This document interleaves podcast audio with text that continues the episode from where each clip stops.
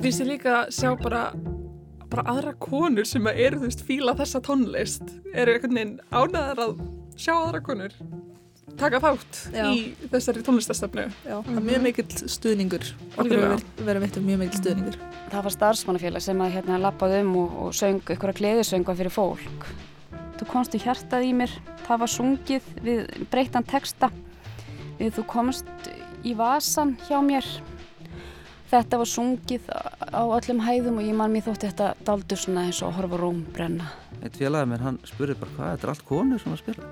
Ég segi, já, harðu það er rétt þú veist. ég var ekki svona pæl í því, sko. En að þegar þetta verður svona náttúrulegt og, þú veist, einhvern veginn að bara, þú ert ekkert endilega að reyna að, hérna, jafna út kynarhlutallið eins og sömur hátið þurfa að gera.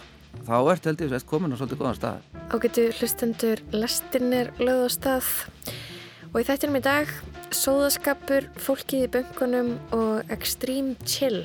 Ég heiti Lóabjörg Björnsdóttir. Og ég heiti Snorri Rapp Hallsson.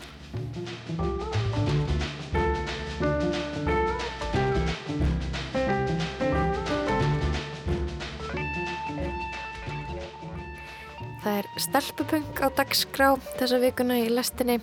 Í gær rættum við við Boob Sweat Gang en í dag þá fáum við að kynnast hljómsveitinni Sóðaskapur, þeim Láru, Solbjörtu og Hildi. Þær keftu í úrslutum músiktilruna í fyrra og svo tóku þær upp plötu í kjálfarið, plötu sem kom út núna í byrjun september og þær nefna til dæmis hljómsveitina Grílurnar sem sína áhrifavalda og auðvitað David Bowie. Þær syngja um sjálfstæðismenn, loftslagsmál og fósturöðingar, perra sem elda þær á jamminu og pasta.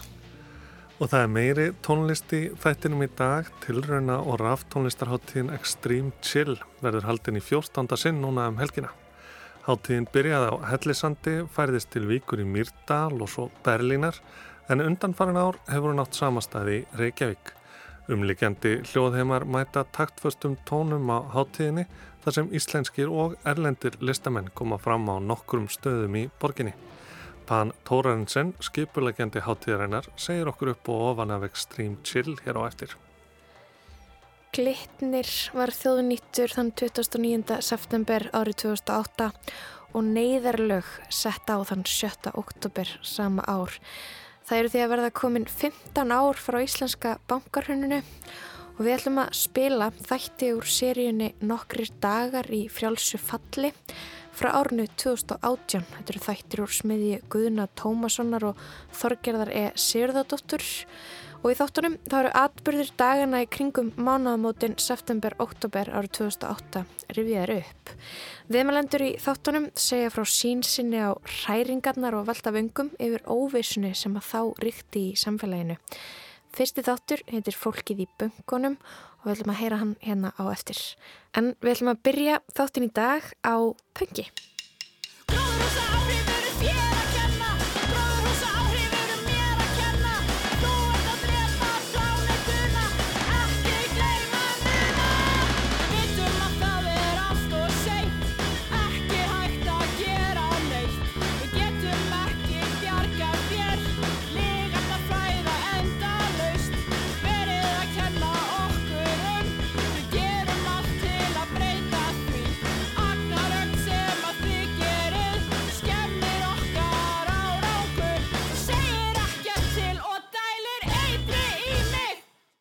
Coco Pop, nei, Puffs, Coco Puffs.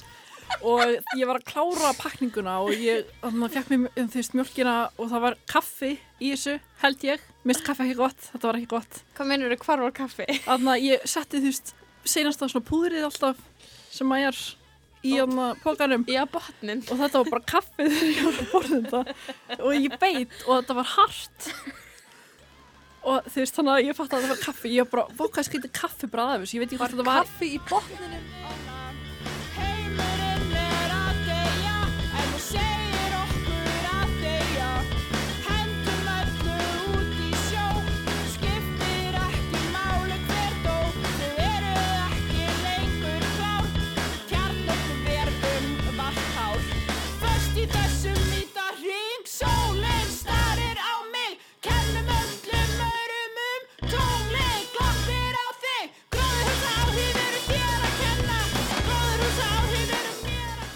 Ég heiti Solbjört og í hljómsveitinni þá spila ég oftast á trommur og ég syng og ég spila stundum á bassan.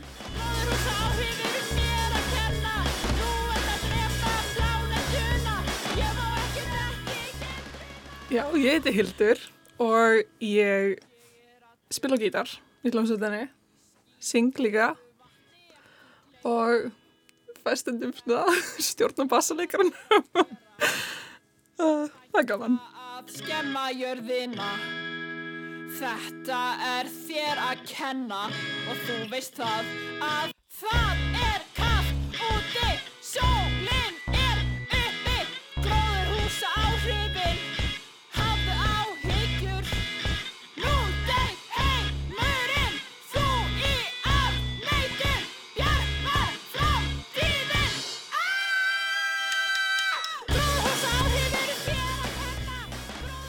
Já, ég heiti Lára. Um, ég er, um, ég syng oft um, og spila á bassa þó ég kunni ekki á hann. Uh, þess vegna er, til þess er hildur sko, til að sína mig hvað ég á að gera og, og svo tróma ég líka eitthvað, eitthvað svona eftir þörfum. Við erum hljómsveitin Sóðaskapur. Við erum rosalega góðar í þessu. Heyrðu það ekki? Hafið þið gert þetta áður? Já, við æfum þetta alltaf Hver skipti? sem við hittumst. Öllu æfingum bara. Byrju, eru þið, allar að gera allt? Já, nema sko, Hildur er eiginlega alltaf á gítar af því hún er eina mannskan sem kann á gítar sko. Já, Það er svolítið meira trikki að spila á gítar heldur um bassa já. ef maður kann ekki neitt sko. Mm Þannig að við komumst upp með það.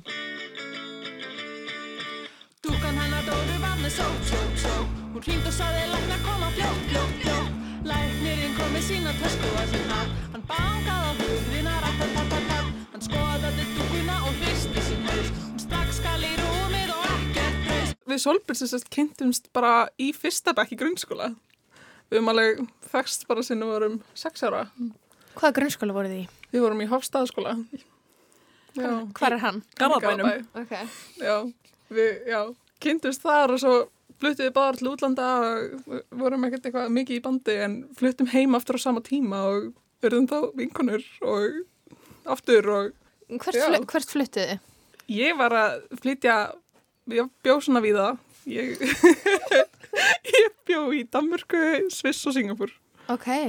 Og hvar byrst þú? Ég bjó í Hollandi af því að ég er hálfhólandsk, Mm fluttum þangað þegar kreppan var á Íslandi.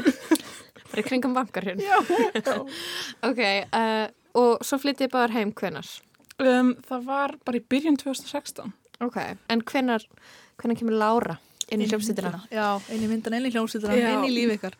Um, Þarna, ég kynnti Sólbjörtu 2018 uh, þegar ég byrjaði í Borgó. Uh, ég kom svo að ég var í skiptin á mér svo kom ég heim og ákvað að klára stúdentinn í Borgarhaldsskóla og þá vorum við saman á leiklistabraut. Og þannig byrjaði sávinskapur sko og hann þróaðist náttúrulega bara og uh, svo sagði við Sólbjörtu, heyrðu, við langar að stamla hljómsveit, getum við ekki bara gert það saman? Hún er eitthvað, jú, heyrðu, ég veit í hverja við ringjum og þá er það bara Hildur sem að ég hefði bara hitt svona einu sinni, hvað, sex mánuðum áður eða eitthvað. Já, við höfum hýst eitthvað nokkru sinnum eitthvað. smá. Við þekktumst ekki mikið sko. En uh, og svo þá, þannig byrjaði þetta sko sem bara sem svona fundur svona hvað þetta byrjaði sem svona konceptfundur skulum við Já, segja við vorum bara með stílabók og penna bara. hvað viljum við gera Árið 2018. nei, nei, nei, þetta, Nei. Er, þetta er sem sagt við stopnum hljómsveitina 2021 Já. Ok. oktober 2021 Ok, þetta er árið 2021. Og Já. hvað, na, þú veist, af hverju hljómsveit? Af hverju, hvað vildið þið gera? Sko, mér langaði aðalega að því ég verið í hljómsveitan áður og verið bara trómari, sko, og mér langaði að stopna hljómsveit þar sem ég fengi að vera söngvari líka, sko, eða þú veist, meira. Uh, og ég var búin að segja þetta við Solbyrti og hún var eitthvað, já, heyrðu, við ættum við ekki bara að henda í þetta. Um, og svo, þú veist, erum við, við vorum búin að vera að hittast eitthvað svona vinkunur og skemmtum okkur alltaf rosa vel saman og, og við, mér fannst við komið með svona góðar hugmyndir, bara svona okkar á milli á þess að pæla nýtt í þeim og svona það, það meikaði sens að kannski prófa að þróa þér út í eitthvað svona listrænt, skilur við. Og punk. Hverju punk? Bara af hverju ekki? Punk er það mest töff, sko. Það, það, það gefur, lí- gefur lífinu mitt, mínu gildi að vera töff, sko. Get ekki, andað get ekki Gráti get ekki Öskrað stendst ekki Mátið Er maður pólitískur að því að maður er pöngari eða er maður pöngari út því að maður er pólitískur? Eða þú veist, fa fattu ég hvað ég á við? Mm, þú veist, þannig að þið, þið far, leitið í eitthvað svona þessa tónlistastefnu og þessa fagafræði út af því að þið eru vantilega mannskjum með eitthvað pælingar og skoðanir og afstöðu. Algjörlega, sko, ég held að já, eða þú veist, ég held að það sé hafi potið verið svona, ég held að þetta fléttist svona saman, maður kannski byrjar á þessu af einhverjum ástæðum og svo kemur annað inn í þetta og þú veist, þess þannig ég held að, þú veist, ég er alltaf ég er með mjög margar skoðanir. Uh, bara eins og gengur í ættinni minni. Uh, og, og þú veist, við allar og okkur finnst bara já, það er eitthvað rosalega svona, það er, það er eitthvað svo frelsandi að, að geta sett þessar skoðanir í eitthvað frekar en að hafa þær bara heima hjá sér, skilur um, þannig ég held að þetta hafi definitely uh, pottjætt byrjað svoleiðis að við, þú veist, við vorum með eitthvað sem að við vildum koma framfæri. Um, Hvaða skoðanir eru þið með? Hver eru ykkar pólitísku skoðanir? Segja mér allt sem ykkur finnst um allt. Þannig að Solbjörn, þú byrjar. Oh my god, getur við ekki byrjað á Láru frekar? Af því að ég veit ekki, ég er mjög mikill fylgjandi, þannig að ég ætla er bara aðeins að fá að heyra skoðanir annara og svo get ég sagt svona mitt. ég er náttúrulega bara, þú veist alin upp í vinstri sinnari fjölskyldu og, og ætla að halda þeim kindli loðandi sko, eins er ekki við get sko, og það er bara það eru alls konar alls, alls konar Þið fýla ekki, þið fýla ekki færaldi Þið fýla ekki, ekki nei. sjálfstæðisflokkin Nei, nei, nei, ekkert, ekkert sem er hægra megin við geringuna, skulum við segja, fyrir mér allavega. og, Um, og þið eru feministar Algjörlega. 100%. Þarf að vera. Vöfðu handleggjunum utanum með miðjá Kreistu þar til heyrist lítið kvein Já, erfitt með að draga djúrt andan Ég lifi milli sleggju og steins. Og læsir höndum um hálsin á mér Og stígur á bringuna mína. Þú neyðir mig hiklaust til að velja Líf einhver sem ég hef ekki hitt. Hann vill stjórna okkur Hann getur ekki stjórnað okkur. Þú vilt stjórnað okkur Þú getur ekki stjórnað okkur. Þið viljið stjórnað okkur bara líka í þú veist að vera kona og upplifa það bara einhvern veginn í okkar nú tímaða samfélagi. Og þú veist eins og bara að fara út á skilur fara neyri bæ og það er einhver bara sem læt mann ekki vera. Eða að um eitt þú veist. Já, ég held að það sé mjög stór sko partur af því sem að er, þú veist, þetta er orðið, þú veist, sóðaskapur er orðið svo mikið hugtak núna fyrir okkur, ég held að þetta sé að þetta snýst um bara svona, og þetta hefur verið sagt við okkur sko, við fengum einu sem komment, sko það er svo frelsandi að sjá konur vera ófullkomnar upp á sviði eða eitthvað, það er svo frískandi. Já. þetta var eit- eitthvað sem einhver saði við okkur upp á sviði þar sem, að því að við náttúrulega förum bara að við kunnum ekki, eða þú veist, við erum ekkert þaul æfðar í því sem við gerum, skilur en, en það er ekki það sem skiptir máli það sem skiptir máli er að við erum aðna og við ætlum að segja það sem okkur finnst uh, sama hvað hversu púsa það er skilur þannig að ég held að það sé bara mikilvægt fyrir okkur þú veist, að fólk sjáu stelpur og konur vera bara að segja bara ok, við vitum ekki alveg hvað við erum að gera en við viljum samt að gera það skilur En þið viti hvað þið eru að segja. Já, já, já, já. Tekstanir eru líka svolítið aðalatrið hjá okkur. Tónlistin er mjög skemmtilega en þú veist, þeir eru með pólitískan bóðskap þeir eru með, þeir viljið segja eitthvað sem skiptir eitthvað máli.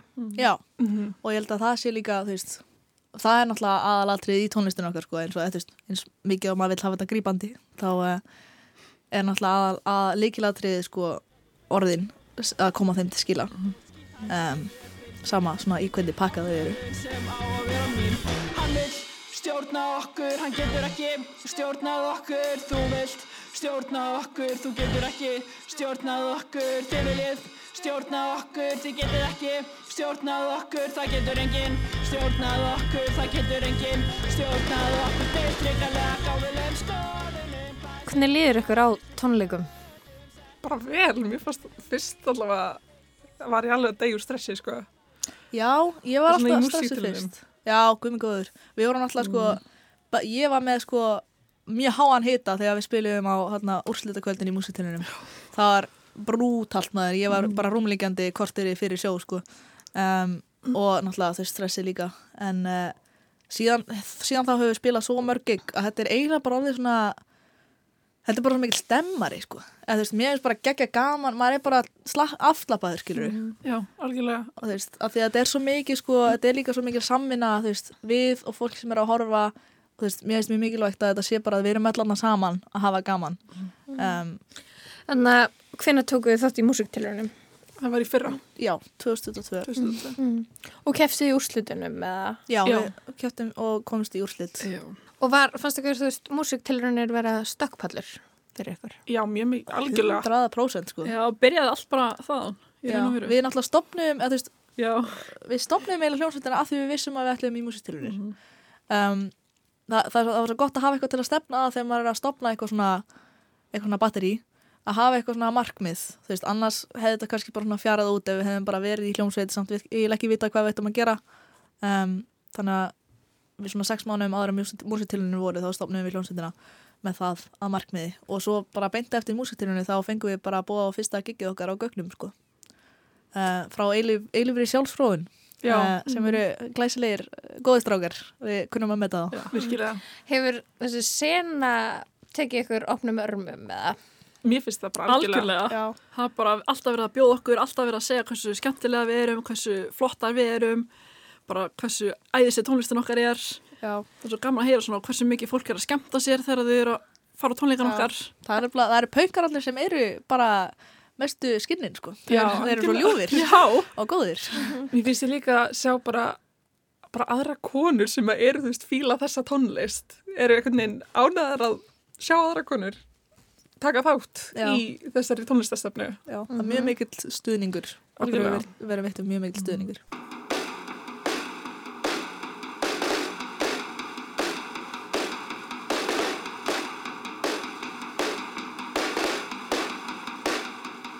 Ég hef bara verið tiltölulega mikill partur af stelpul okkar sko, eða þú veist þarna ég hef farið í eða, verið í alþjóðlegu búðunum þeirra tvisvar satt, á sömurinn við fóru til ég fór til Berlínar fyrir árið og svo setna árið þá var það hér það var sérst 2018 og 2019 og svo var ég líka, ég kendi hérna 10-12 ára stelpur okkar á Akureyri fyrir nokkrum árum. Ok. Eh, bara, hvað var það, eitthvað að vika eða eitthvað svoleiðis. Um, þannig að já, stelpur okkar er, er, er geggjað sko og ég verið eitthvað svona smá Vistu þess að það hafa, hafi svona allt þig, skilur, til þess að, þú veist, til dæmis vera í hljómsveitum eins og sóðskapur og, og þú veist, gefa þér eitthvað svona trú á, á sjálfa þig, eitthvað, þú meir þetta og þú getur þetta. kannski, ég meina, ég hef svona það er náttúrulega stund síðan þetta var sko, það er langt á milli, en ég held að þetta hefur pottið hjálpað, þú veist, í að svona gefa mér meiri svona sjálfstörst í að prófa nýja hluti, þú veist, sjálf stelpur okkar er fyrsta skipti sem ég prófaði að spila á bassa og, og spilaði á bassa fyrir framan fólk uh, það var 2019 á loka tónleikunum sko. Um, þannig að það hefur stelpur okkar við potið gert, gert mér kleift að fara meira út fyrir ramman sem ég hefði öruglega ekkert annars gert sko. Þú talar, en segir ekki neitt af viti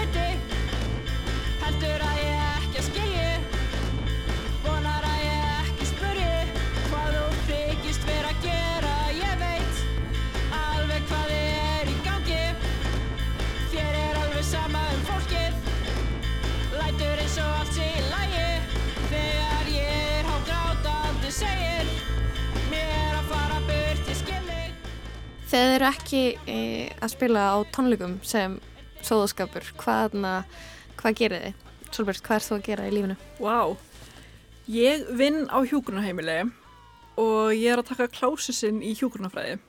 Þannig að ég ætla mér að verða hjúgrunarfræðingur í framtíðinni. Uh, ég er hérna allara hugbúnaverfræði, við erum fyrsta ári þar í háskólanum. Það er gaman. Já, En þú, Laura? uh, ég hérna er búin með fyrsta ára mitt í leiklist úti í Dublin. Uh, þetta er bara tvekja ára nám, þetta er ekki, þetta er ekki BA eins og, eins og allir svona eins og að væri sniðut en uh, hérna, já, svo er ég bara að fyrir að byrja á öðru árinu mínu og ætla bara að reyna að leggja það fyrir mig sko, leiklistina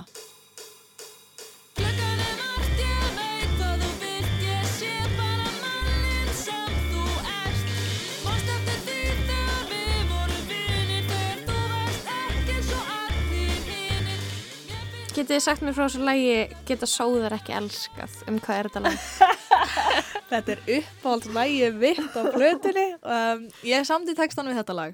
Já, mér langaði einhvern veginn að semja lag sem að var ég, maður leitar alltaf inn á við þegar maður er að semja lög. Og það er svona, mér, ég fann að ég hafði eitthvað svona ósagt sem ég ákvað bara svona að, að segja bara í lægi þetta er bara, þetta fjallar um svona svona, ef þú- ef þú átt einhvern í lífiðinu sem að þú heldur að sé einn af, svona, einn af þínum svona í innri ringniðinum sko og svo bara, bara skilur hann eftir á þess að útskýra af hverju sko. Þetta fjallar svolítið um það. Er þetta ekki um svona uh, það sem er oft kallað önsku Nei, ég vil ekki segja þetta orð fuckboy?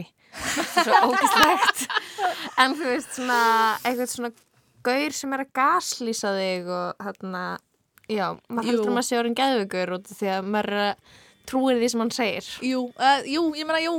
Ég, svona, ég var að reyna að gera eitthvað svona almennir lýsingu en ef við, ef við förum nánar út í þetta þá er þetta um, þú veist, strák sem að þú veist, segir, segir þér allt, allt í ljómanum sko en, en svo bara einhvern veginn er það bara ekki satt og, og maður veit einhvern veginn all, ekki af hverju. Maður spyr sér bara, býtu, var ég að lesa rátt í þetta eða, eða hvað?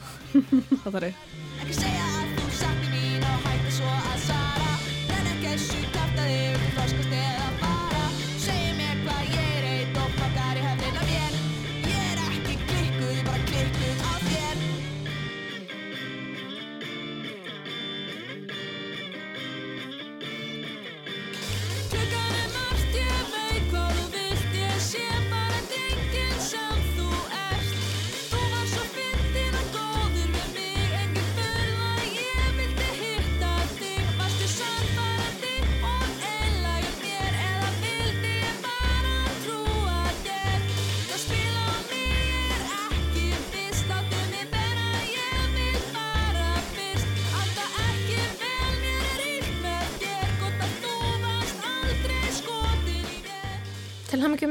plötun ykkar sem heitir bara Sóðskapur Takk fyrir. uh, Ný komin út hvernig, hvernig kom það til að þið ákveða að fyrir stúdíu og taka upp fullt af tónlist Það var einmitt líka svona hluti af okkar fyrsta byrjunamarkmiði. Það var að taka þátt í músitilunum.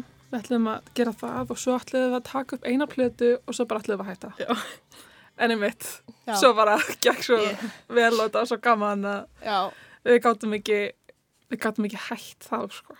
Nei, einmitt. Okkur langaði, við vorum komið með þessi náttúrulega þrjúlög, eftir músitilunir áttum við þrjúlög uh, og við byrjum náttúrulega bara að semja meira af því okkur langaði, þú veist, að hafa, okkur langaði að hafa eitthvað til þess að, þú veist, til að skilja eftir, eða veist, sem svoðaskapur, þú veist, okkur langaði að hafa eitthvað sem við getum sjáðu þetta er það sem við gerðum, þú veist, ég þó að við, þú veist, skiljum þetta kannski eftir á einhverjum tímapunkti, ég veit ekki hvernar, hvort að það gerist eða hvenar, en okkur langaði allavega að búa til eitthvað til að, sem að væri alltaf þarna til að líta tilbaka á. Og já, og við fórum alltaf bara við fengum að fara í hitt húsið, við tókum þetta bara alltaf bara upp sjálfar sko, í hinn húsinu þau eru með ókipis aðstuð sem maður getur maður skrifa undir samning og fær bara kort og getur farið hvernig sem er sem að var alltaf bara styrlað sko. Og við tókum þetta upp síðasta sumar Já. uh, áður en ég flutt út í fyrsta skipti. Um, og síðan þá er þetta bara búið að vera í geimslu þangað til núna. Hvað er þetta lag? Gellur allskap, nei gellur borða pasta. Um, Þetta byrjaði út frá einhver, einhverjum svona, Eða byrjaði út frá gríni í Já. raun og veru. svona enga húmor. Það sem að við vorum heima hjá Hildi eða svona hún bjóð í stúdendagörðunum þegar við byrjuðum svona að hugsa um þetta lag og við vorum inn í eldúsinu, þetta var svona sameinlegt eldús og mér langaði til að fara í leik sem ég kalla pastaleikurinn þar sem að maður þar sem að maður segir orðið pasta og maður hækkar alltaf svona, þú veist, Rómin róminn þegar maður er að segja orðið þannig að maður byrjar svona pasta, pasta, pasta, pasta og á endanum er maður að öskra orðið pasta. Ég vildi fara í leikin, þær vildi ekki fara í leikin þannig að ég fór einn í leikin þannig að það endaði með að ég var að öskra veist pasta í eldúsinu og það var einhver inn í eldúsinu og eftir það þá var ég þekkt sem pastagellan Ég frýs upp við stellingu þína. Hvernig get ég látið tíma líða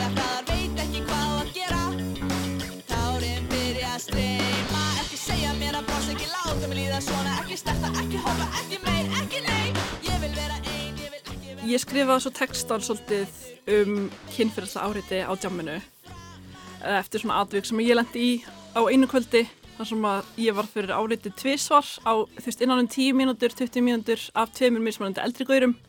Og það fór alveg verulega illa í mig og mér leið hræðilega eftir það. Þannig að þú veist þetta lag fjallar mjög mikið um það bara.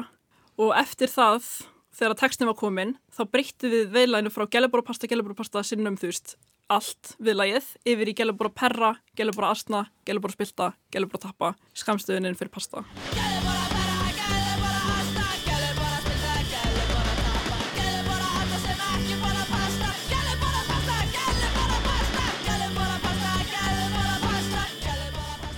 Æ, veit það ekki, það er bara mikilvægt að hafa skoðanir á hlutunum sko, eða þú veist, mér er alltaf fundist það. Algjörlega. Já. Myndi svona eigin skoðanir. Já, Líka fylgja ekki bara allum Öðrum. strömmnum. Fyrir þetta solbyrstu Já, sem er fylgjandi. ég, ég er fylgjandi en ég fylgi bara skynsumi fólki sem að ég tristi eins og Láru og Hillu og mömmuna Láru Já, fólk sem að ég veit að eru með mjög góða skoðanir og ég fylgi ekki blind ég heyri af hverju þið eru með þessar skoðanir já, og svo tek ég þessar skoðanir og gegn með þar Sko uppáhaldslægi mitt er hérna, ef þú ert prentara þá ertu sjálfstæðismæður. já, það er gott. Ég, já, ég er samt í texta með það. um, ég held, ég man ekki, ég, mér, mér ímynda mér að ég hlýta að hafa lent í þessu til þess að fá hugmyndina að þessu, en svona, þú veist, þetta er svona, þegar þú átt vin og svo kemst á því að hann kannski deilir ekki, skoð, eða, þú veist, ekki svona mikilvægum skoðunum og þú ert bara svona, mm, vá, þetta er skrítið. Uh, ég, mér finnst það allavega frekar óþægilegt. Eða, þú veist, þegar það kemur að einhverjum svona rosalega mikilvægum svona aðalatriðum. En það er eitthvað svona sannleikur í þessu ef þú átt prentara, ég meina ef þú ert nógu ríkur til að eiga prentara, Já.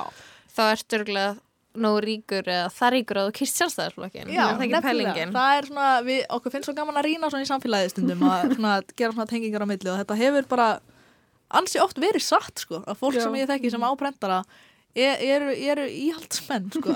Já, það vil bara svolítið þannig til sko. Já, þetta byr- við vorum ekkert tíman einmitt að tala um þetta og þá fórum við að taka eftir þessu í grunnskóla. Það voru alltaf, maður þurfti að prenta eitthvað og það voru nokkri sem að gátt ekki gert það því að þið átti ekki prentara.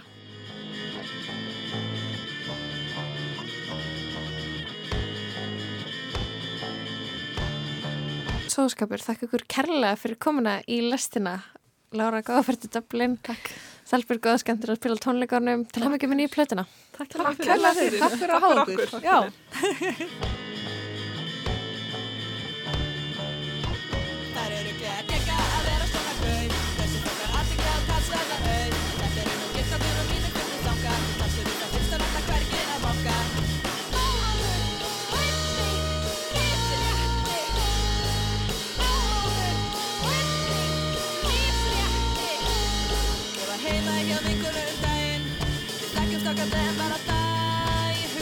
ósköp er í bein Að ég eigi svona vinkonu að Eftir maður fórum við inn í stofu. Og gengum frem með skrifstofunni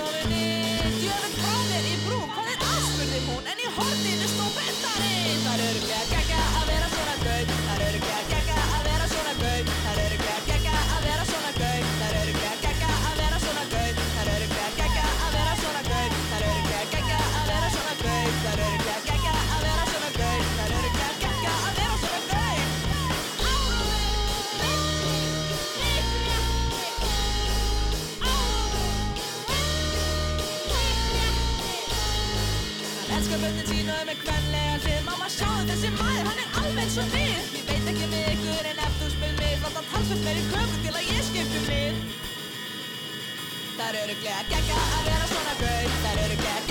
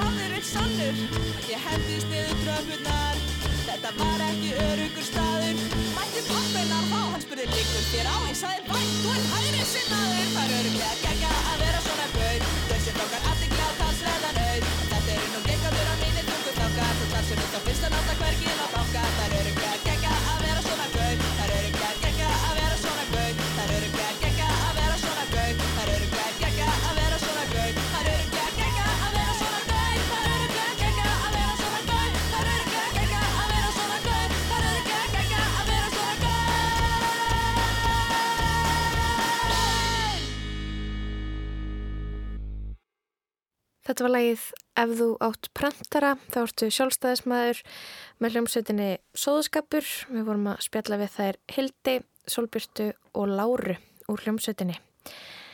En við ætlum að snúa okkur að allt öðru, við ætlum að fara og rifja upp um, dagana rétt fyrir bankarhunnið hérna á Íslandi sem var náttúrulega eins og fólk veit árið 2008. Það er að fara að verða komin 15 ár síðan að um, glitnir var þjóðnittur og það voru sett á neyðarlög og Geir Hortis bað Guðum að blessa Ísland. Já, við skiknumst inn í þetta. Við heyrum frá fólkinu sem vann í böngunum árið 2008. Það er í fyrsta þætti af seríunni nokkrir dagar í frjálsu falli þáttum sem Þorgerðri Sigurðardóttir og Guðni Tómasson gerði árið 2018. Viðmælendur í þættinum eru Andrés Erlingsson fyrir um starfsmæður landsbankans og Gunnur Vilborg Guðjónsdóttir fyrir um starfsmæður Glitnis. Góðan dag, nú er hefjast auka fréttatími vegna stórtíðinda á fjármálalífinu. Ríkisjóður hefur eignast 75% í glitni. Bankin hefði áður gjaldþróta ef ríkið hefði ekki komið til bjargar, segir Davíð Olsson, sælabankastjóri.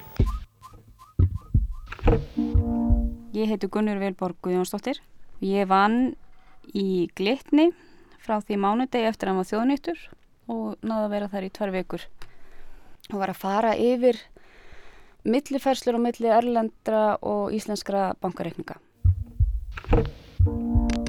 Já, ég heiti Andris Erlingsson og er fyrirhandi starfsmæður í landsbankanum. Á þessum tíma vann ég í deild sem að þjónustæði útibúin og, og ég var í viðskipta tengsla stjórn og, og kerfum tengt í. Ég hérna hafði allt höstu verið að leita mér að vinnu og fekk hann þarna mjög óvænt.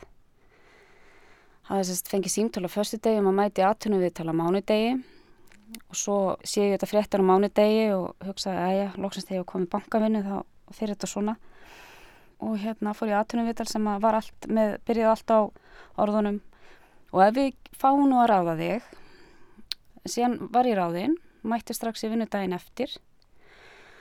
Og það var svo að því leitunum til að það var eins og engin innan hús gerði sér í raun grein fyrir hvernig lífið væri fyrir utan húsið. Síðustu dagana fyrir þessu óskupöll þá, þá náttúrulega byggðist upp mikil spenna þarna á vinnustafnum og fréttaflutningur þess tíma hann dundi á okkur yfir því ástandi sem var en, en innan búðar þá var nú verið að reyna að róa fólk og, svona, og gera allt sem hægt var til þess að reyna að leysa úr þessu og þetta var alveg gífulega erfiði dagar. Það voru heilu deildirnar lagðar niður. Bankarnir náttúrulega lagðir niður í heilsinni þannig að í rauninu voru allir starfsmenn orðnir atvinnleysir og einu sólaring. Allir hefði rosalega miklu að trúa að þetta myndi lagast, að bara bankastjórnin og já, stjórnin myndi bara retta þessu. Fólk hefði bara rosalega miklu að trú á þessu batteri, á bankanum, á stjórnendum og yngra fólk var auðvitað hrættara við að hérna, missa vinnuna. Og meðan eldri starfsmenn voru svona róleri og hugsaði bara já, æ, þetta hefur nú komið fyrir áður svona samrunni og það vesta við er að starfsmannarsjóðurinn hverfur. Það var allt svona aðrulausara og svo var auðvitað flott, einn flott setning sem að fjall á kaffestöfu var ungum að sem saði hvað þurfum við að taka okkur launalækun glætana ég sætti mig við það að taka mig launalækun og vera með okkur helvitis 500.000 á mánuði? Og ég hugsa bara, vá, veit hann ekkert hvernig fólk hefur það hérna fyrir utan húsi Jú. Ég lendi nú eitt skipti í því að það fór fólkin í útibúið okkar hérna í Östurstræti og var með hótanir og læti og við þustum þarna nokkur niður til þess að reyna að sjá hvort og hvernig við getum það aðstofa við allt saman. Og það sem sló mig mikið er hvernig sömur síndu viðbröð sem voru reyni bara ógnandi og, og reynd og beint ofbeldi. Og það sem sló mig rosalega mikið var að þegar að það var búið að koma þessu fólki úr útubúinu og, og komið ró yfir það starfsfólki sem satt í salnum þjónustu huldróðnir, gjálkerarnir voru náttúrulega gjörsanlega slegnir og rættir og, vissu ekkert við hverju var að búast bara við það að mæti vinnuna. Eitt dæmi var það að, að það kom reyður viðskiptveginurinn í útibú og, og byrjaði að týna til stóla og blómapotta og þegar hann var spurður hvað var í gangi þá, þá sagði hann að nú skuldaði bankin sér. Það var hend í fólk pappýrum og, reykt í það ónótum og jáfnvel hótað fjölskyldu þeirra.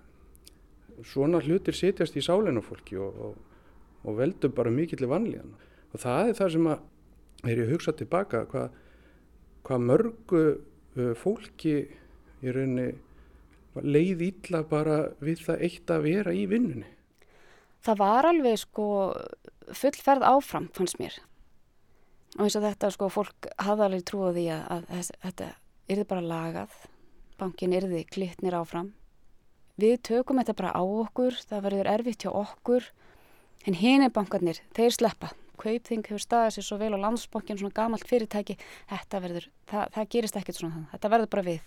Fólk uh, satt bara í hópum og, og rætti í raunni stöðu sín á framtíð, framtíð fyrirtækisins það var líka náttúrulega verið að ræða bara, þú veist, persónleg mál eins og erlend bílalán, erlend húsnæðislán, starfsfólki í böngum var alveg eins og aðrir Íslendingar, það, það var með sína skuldbindingar og, og, og fór þær leiðir sem það taldi vera best á sínu tíma og, og margir sátu í súpunni eins og hver annar sko. Þetta var mjög skrítin tími út af því að þú veist, það var alltaf svona depurð yfir fólki á þessum tíma en mikil gleði í bankanum samt góður liðsandi hana og það var starfsmannafélag sem að hérna lappaði um og, og söng ykkur að gleðisönga fyrir fólk.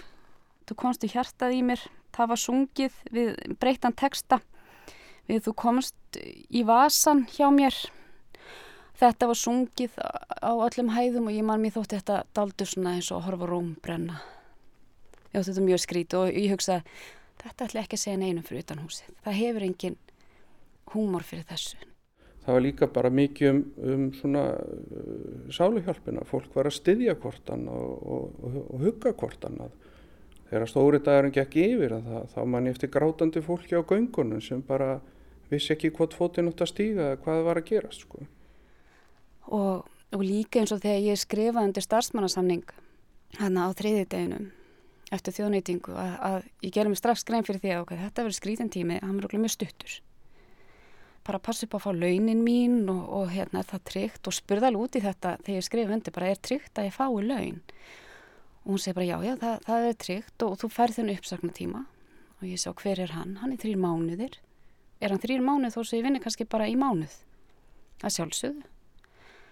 Og það, það helst, ég vann þannig í ykkur tvær vikur og, og fekk þryggja mánu uppsakna frest og já, og meðan ég er að skrifa undir starfsmannsamningin er starfsmæður sem að sér um þau máli að segja mig það hann á meðan að því stendur að ég ætti nú endilega að taka mig lán í bankanum. Þú þarft ekki að borga uh, lántökugjald sem starfsmæður þannig að þú fæði ákveðin afslátt af lántöku kostnaði og ég horfi á hann og segi er sniðugt að taka lán í gjaldtrótabanka og hún svona kemur svona smá vandræðleysu upp og svona já, já, þetta er þetta, það er nú svo lítið sem þú tækir. Sjálfur var ég mikill bara krísustjórnun meðal starfsmanna fjármálufyrirtækja sem, sem hluti af stjættafélaginu og starfsmannafélaginu.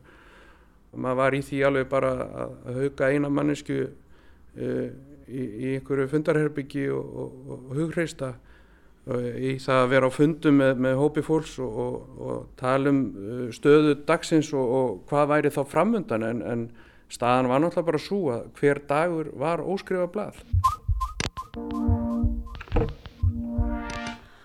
Og maður heyrði alveg að sögum að það var reynd að lemja til fólks gældkjara og, og þau fengu yfir sig mjög ljót orð.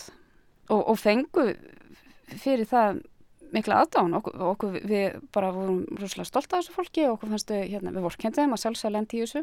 En við vorkendum líka fólk var líka alltaf með þessu hugsun líka, þú veist, ætti ég að selja hlutabrifin í bankunum starfsmenn vantilega hafa átt hlutabrif í bankunum og í einhverjum sjóðum og við starfsmenn fengum öll tölupostum það að við gengjum ekki fyrir í þeim viðskiptum.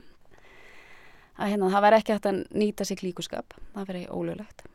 En já, ég þakka bara kærlega fyrir að vera ekki gælkir þessa daga Glitnir sæði í gæru 88 starfsmönum sínum hér á landi og stöðugildum á öllum starfsvæðin Glitnis hefur þá fækkað um 255 frá áramótum.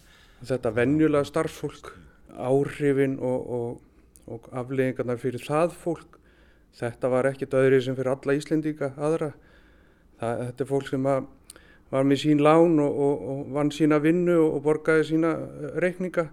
Viðbröðum sem við fengum síðan bara frá almenningi eins og í framlínunni hjá fólki sem að fekk kannski bara fólk til sín öskrand og æbandi með hótanir. Þetta var gífurlegt álag á starfsfólkið og mikil vannlíðan. Í stjættafélaginu við vorum að breyðast við þessu og, og starfsmannafélaginu í böngunum með því að reyna að koma til mótsvið þetta fólk bæði þá sem mistu vinnun og líka þá sem að var bóðin vinna svo í nýju böngunum því það er oft mjög erfitt líka eins og ég fekk vinnu í nýja landsbankanum. Man, mann er leiðsóldi svona á, á tvo vegu með þetta sko. Tilfinningarnar í kringum þetta þetta var, þetta var rosalega erfiðu tími. Og ég sett ekkert inn á, á ferilskrána mín að ég hefði unni hjá glitni. Það ég fann það alveg að, að það var ekki sölupunktur fyrir mig. Og það var ekkert neitt rosalega töff að vera viðskiptafræðingur. Dómkirkjan var opnuð daginn eftir uh, til að veita bara fólki atkvarf til að setjast niður og, og fá bara sáluhjálp. Svona eftir að higgja þá eiginlega var þetta staða sem maður grunaði aldrei að myndi lendi í aðeina.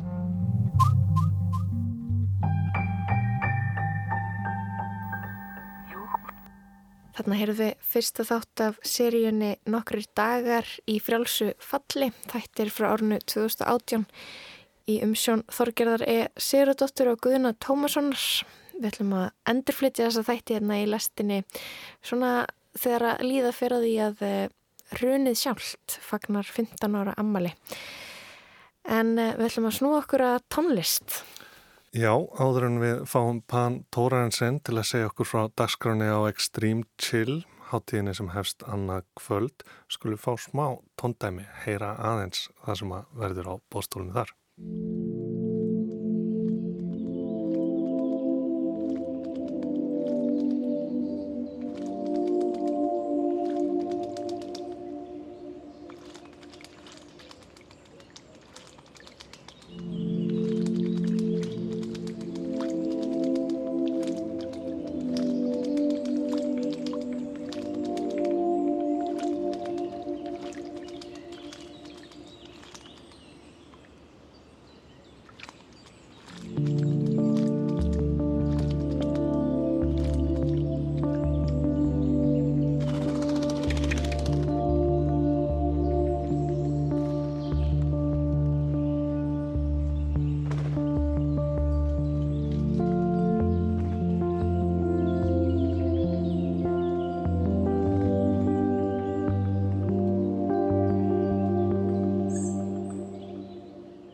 Hér heyrðum við brot úr læginu Springtime in Croatia með Patricia Wolf en hún kemur fram á tónlistarháttíðinni Extreme Chill sem hefst annað kvöld. Háttíðin fyrir fram viðsvegarum bæin í Gamla Bíó, Inno og Keks svo eitthvað sér nefnt og hjá mig sittur Pan Tórarensen, tónlistamæður og skipuleikjandi háttíðarinnar. Verður velkominn. Takk fyrir. Þetta er í fjórstanda sinn sem háttíðin er haldin en hún hefur breyst svolítið gegnum tíðina. Já, hún hefur gert það og við hérna byrjuðum alltaf út á landi hellisandi eins og margir vita. Og hérna við höfum verið víða. Líkið við ekki Mýrdal og við höfum verið í Berlín með uh, hátíð líka. Og svo náttúrulega 2017 þá fórum við til Reykjavíkur og búin að vera, vera þar síðan. Já, hvernig er að halda hana í Reykjavík á, á svona tónleika stöðum? Það er náttúrulega ég vil bara segja það það er náttúrulega miklu betra það er svona skipilagning þetta er náttúrulega vesen að vera að gera svona út af landi það er meira svona production veist, og, og veist aldrei hvernig veðrið er heldur og allt það og, hérna, þannig að þetta er náttúrulega bara mikið munur að geta bara komið inn í venjúin og, og hérna, aldrei tónleika sko. Já, saknar þess aldrei að vera út í sveit einangræðar og allir svona saman í þessu? Jú, en það hefur alltaf verið hugmynd að sko draumurinn er að vera með hátíðina hverja ári í, í, í borginni og vera með svona lítið kannski litla háti yfir sömarið út á landi ég ætti svona, svona meira bara svona selective, eða hvað segir maður svona, hérna, já, svona litla, svona litla hátíð, bara það geta jætvel í ykkur í kirkju, jætvel. Já, þetta er náttúrulega orðið að svona svolítið ásáttíð uh, raftónlistar senunar hér á landi, eða ekki? Jú, hún, þetta er að máli segja það, en þetta er náttúrulega búið breytast alveg rosalega mikið síðan við vorum hérna 2009 á Hellisandi. Þá var þetta náttúrulega meira bara, eins og segir, það var svona raftónlistar senan öll, svolítið samankomin og allir voru að spila og allt þetta og, veist, og það var gaman, svona smá ásáttíð. En í dag er þetta náttúrulega búið að breytast mikið og veist, þetta er orðið allt önnur hátíð og, og við erum farin að fara meiri í svona tilhjónikent, já svona tilhjónikenta tónlist. En hvernig er fyrirkomulagið? Það er nýr staður á hverju kvöldi en þetta Já. er ekki eins og erveist það sem allt er í gangi á sama tíma og mann har stökk á milli Nei, við ákveðum bara á vissum tímpúndi að staðan fyrir að vera að stækka að halda þessu svolítið svona uník og ég er ekkit rosalega aðdáðand af svona stórum festivalum. Mér finnst einhvern veginn að vera svolítið erfitt að ná utanum saman um allt og einhvern veginn þetta verður smá svona ruglislegt oft og þannig að þetta er svona, var svolítið svona hugmyndin að að vera með hvert, nýtt venju fyrir hvert, hvert kvöld og, og það er fyrst mér svolítið spennandi, sko. Já, Það er þurfu ekki svona- að velja og hafna. Nei og gaman líka að vera tónleikagestur með arband að geta upplefa nýja stemningu á hverju kvöldi. Akkurat, þetta eru fjölmarkar hljómsveitir og, og tónlistarmenn sem Já. koma fram og konur líka, ég tók eftir því að að kynja hlutföllin eru nokkuð jöfn en það með þetta ákvörun. Ég held að sé örgulega fleiri konur að spila ár heldur, eða svona, myndi ég segja, allar svona, sem er svona stóru nöfnin. En nei, það var ekki með þetta ákvörð, það var reynda svolítið skemmtileg saga að hérna, eitt félagi minn, hann spurði bara hvað, þetta er allt konur sem að spila. Og ég segi, já, harðu, það er rétt þér, ég var ekki svona pæl í því, sko. Þannig að þegar þetta verður svona náttúrulegt, og, einhvern veginn að bara, þú ert ekki endilega að reyna að hérna, jafna út kynarhlutallið eins og sömur hátið þurfa að gera. Þá ert held ég, veist, komin á svolítið góðan stað, þú veist, ekkert að og þetta er bara náttúrulegt og, og, og þessi tónlistamenn sem spila eins og þetta line-up þessi, þessi hátíð þannig, þetta er náttúrulega allt kjúrita bara í haustum á okkur veist, og það er ekkert hægt að sækjum að spila á þessu hátíð. Þótt að maður fái alveg sko fleiri hundru veist, hverja ári þá er þetta vola náttúrulega bara það sem við erum að fíla á þessu sinni, þú veist, svolítið Já, þetta er náttúrulega svona staðurinn sem við viljum komast á að, þurfum ekki að, pæla í þessu, geta bara að spila Já. það sem maður vill og, og, og það sé einhvern veginn opið öllum. Já. En hvernig er það? Þið byrjið annað kvöld í gamla bíó. Er eitthvað svona þema á kvöldunum? Getur maður svona, veist, Já, er, þetta er allt útpælt sko, hvernig þetta er raðið upp veist, eins og í gamla bíó er þetta náttúrulega svolítið, það verður sitjandi tónleikar, mikið svona hljóðveisla gaman að Kalim og Lóns er loksast að koma. Við verum með tónleika fyrstu deginum á Keksinu sem er verið í nýja tónleikasalunum hérna niðri, sem Nílo var gamla. Svolítið skemmtuleg salur. Og það verður svona aðeins öðruvísi, það verður meira svona experimental svona meira noise uh, beat líka. Og, og það verður standandi svona, ég get ekki það standandi party en þetta verður samt aðeins meira það verður meiri háaði og svo lögadænum þá ferum við aftur í svona meiri sitjandi aftur. Þannig að þetta er eins og hátíðin er búin að þróast núna þá er þetta orðið meiri svona concert venue festival sem er akkur svona þróun sem við vildum gera. Já, þetta er ekki bara stanslist teknopartí. Nei, og, og hætta líka á skikkalinn tíma, það verður ekki langt fram á nótt. Og mér veist það líka að vera ótrúlega góða kostur. Já, bara, ég sé það hérna á lögadeginum, þetta byrjar klukkan tvö á skí og stendur til sex þar, svo er bara hlið, þannig að fólk getur fengið sér kvöldmatt Já. og mætti inn á hálf átta og séð Masaya Osaki sem opnar þar. Já, þannig að þetta er bara vola svona, maður er alltaf að reyna að hafa þetta, reyna að hafa þetta sem minnsta stress og það er einhvern veginn, mér sýnist að, að það sé loksins að fara að takast. Já. Að því bara eins og í fyrra til dæmis, þá vorum við með á line-upið alveg þrefaldstæra og, veist, og, og það var einhvern veginn allt og mikið, sko, veist, og þá einhvern veginn fattaði maður bara, ok, þetta er, þetta, veist, það þarf eitthvað að breyta og, og núna held ég þetta sé komið eins og maður loksins vil hafa þetta Þetta er orðið extreme chill og kjönd afslöpun. og líka bara eins og með ekstum til dæmis, við erum náttúrulega, sem gleymistundum að við erum, náttúrulega erum í rosalega stóri samstarri ellendis veist, með öllum þessum norrænu uh, experimental festival hátíðum Já, það er Upnode Network. Já, Hvernig virkar það? Upnode Network og, og líka nú erum við nýju sem heitir Nerds sem er svona glæð nýtt. Þá eru allar hátíðir hérna, og, reynda CTM Festival í Berlin var að bætast með okkur sem er stærsta hátíð heimi í, í experimental music. Hún hefur verið 22 ár held í Berlin þannig að það var rosa stert að fá hana með okkur núna. Uh, þetta er svolítið bara að hugsa þannig að við erum að vinna saman og erum að kynna hátíðnar og, og, og hérna og reyna svona að uh, já, vekja meira aðtekla á þessu. Svo erum við líka að senda artist á milli hátíða veist, ég er að senda íslenska íslensk bönda á hátíðinni og, og ég fæ artista frá þeim til mín og svo eru fundir og erum að hittast á þessum hátíðum og þannig að nú eru náttúrulega allar þessar hátíðar að koma til mín þú. Já, tölver tækifæri fyrir þá íslenska listafólki að er koma sér á framfæri það er, erlendis. það er málið sko og, og það sem ég gleymir sem þetta sjálfur hvað við erum búin að hafa mikil veist, við erum svolítið, erum svolítið að stjórna núna senunni hérna þú veist, og það er bara þannig þú veist, og, og sérstaklega eftir að sónar hættir hérna og, veist, og allar þessar veist, hérna, Sigur Solstis og fleiri.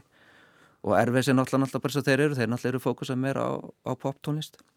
Þannig að við ykkur stöndum eftir alltaf með þetta allt í höndunum sko sem er náttúrulega rosalega spennandi og mikið tækifæri. Að því við erum svo að segja, við erum rosa vel tengt elendis á hátíðir og sem er að fókusa á svona tónlist og þannig að þetta er náttúrulega gríðarlega spennandi Já, við heyrðum hérna áðan lag með Patricia Wolf Já. sem að leikur annað kvöld en á lögadaginn sem er næst síðasta kvöldið Já.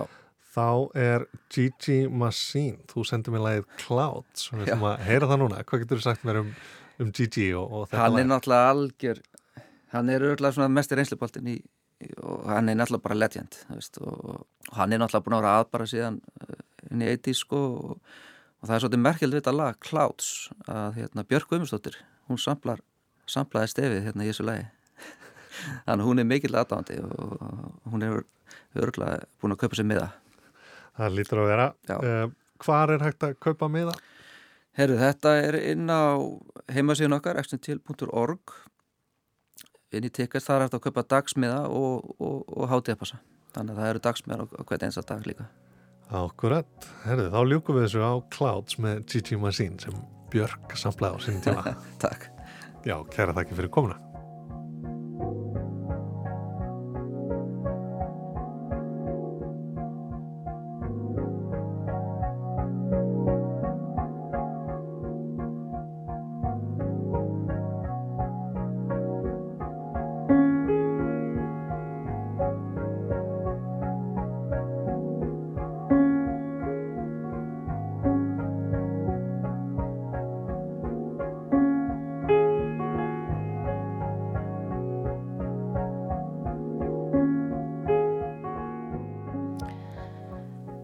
rætti við Pan Tórensen um dagskrána á Extreme Chill tónlistarháttíðinni sem verður haldin um helgina.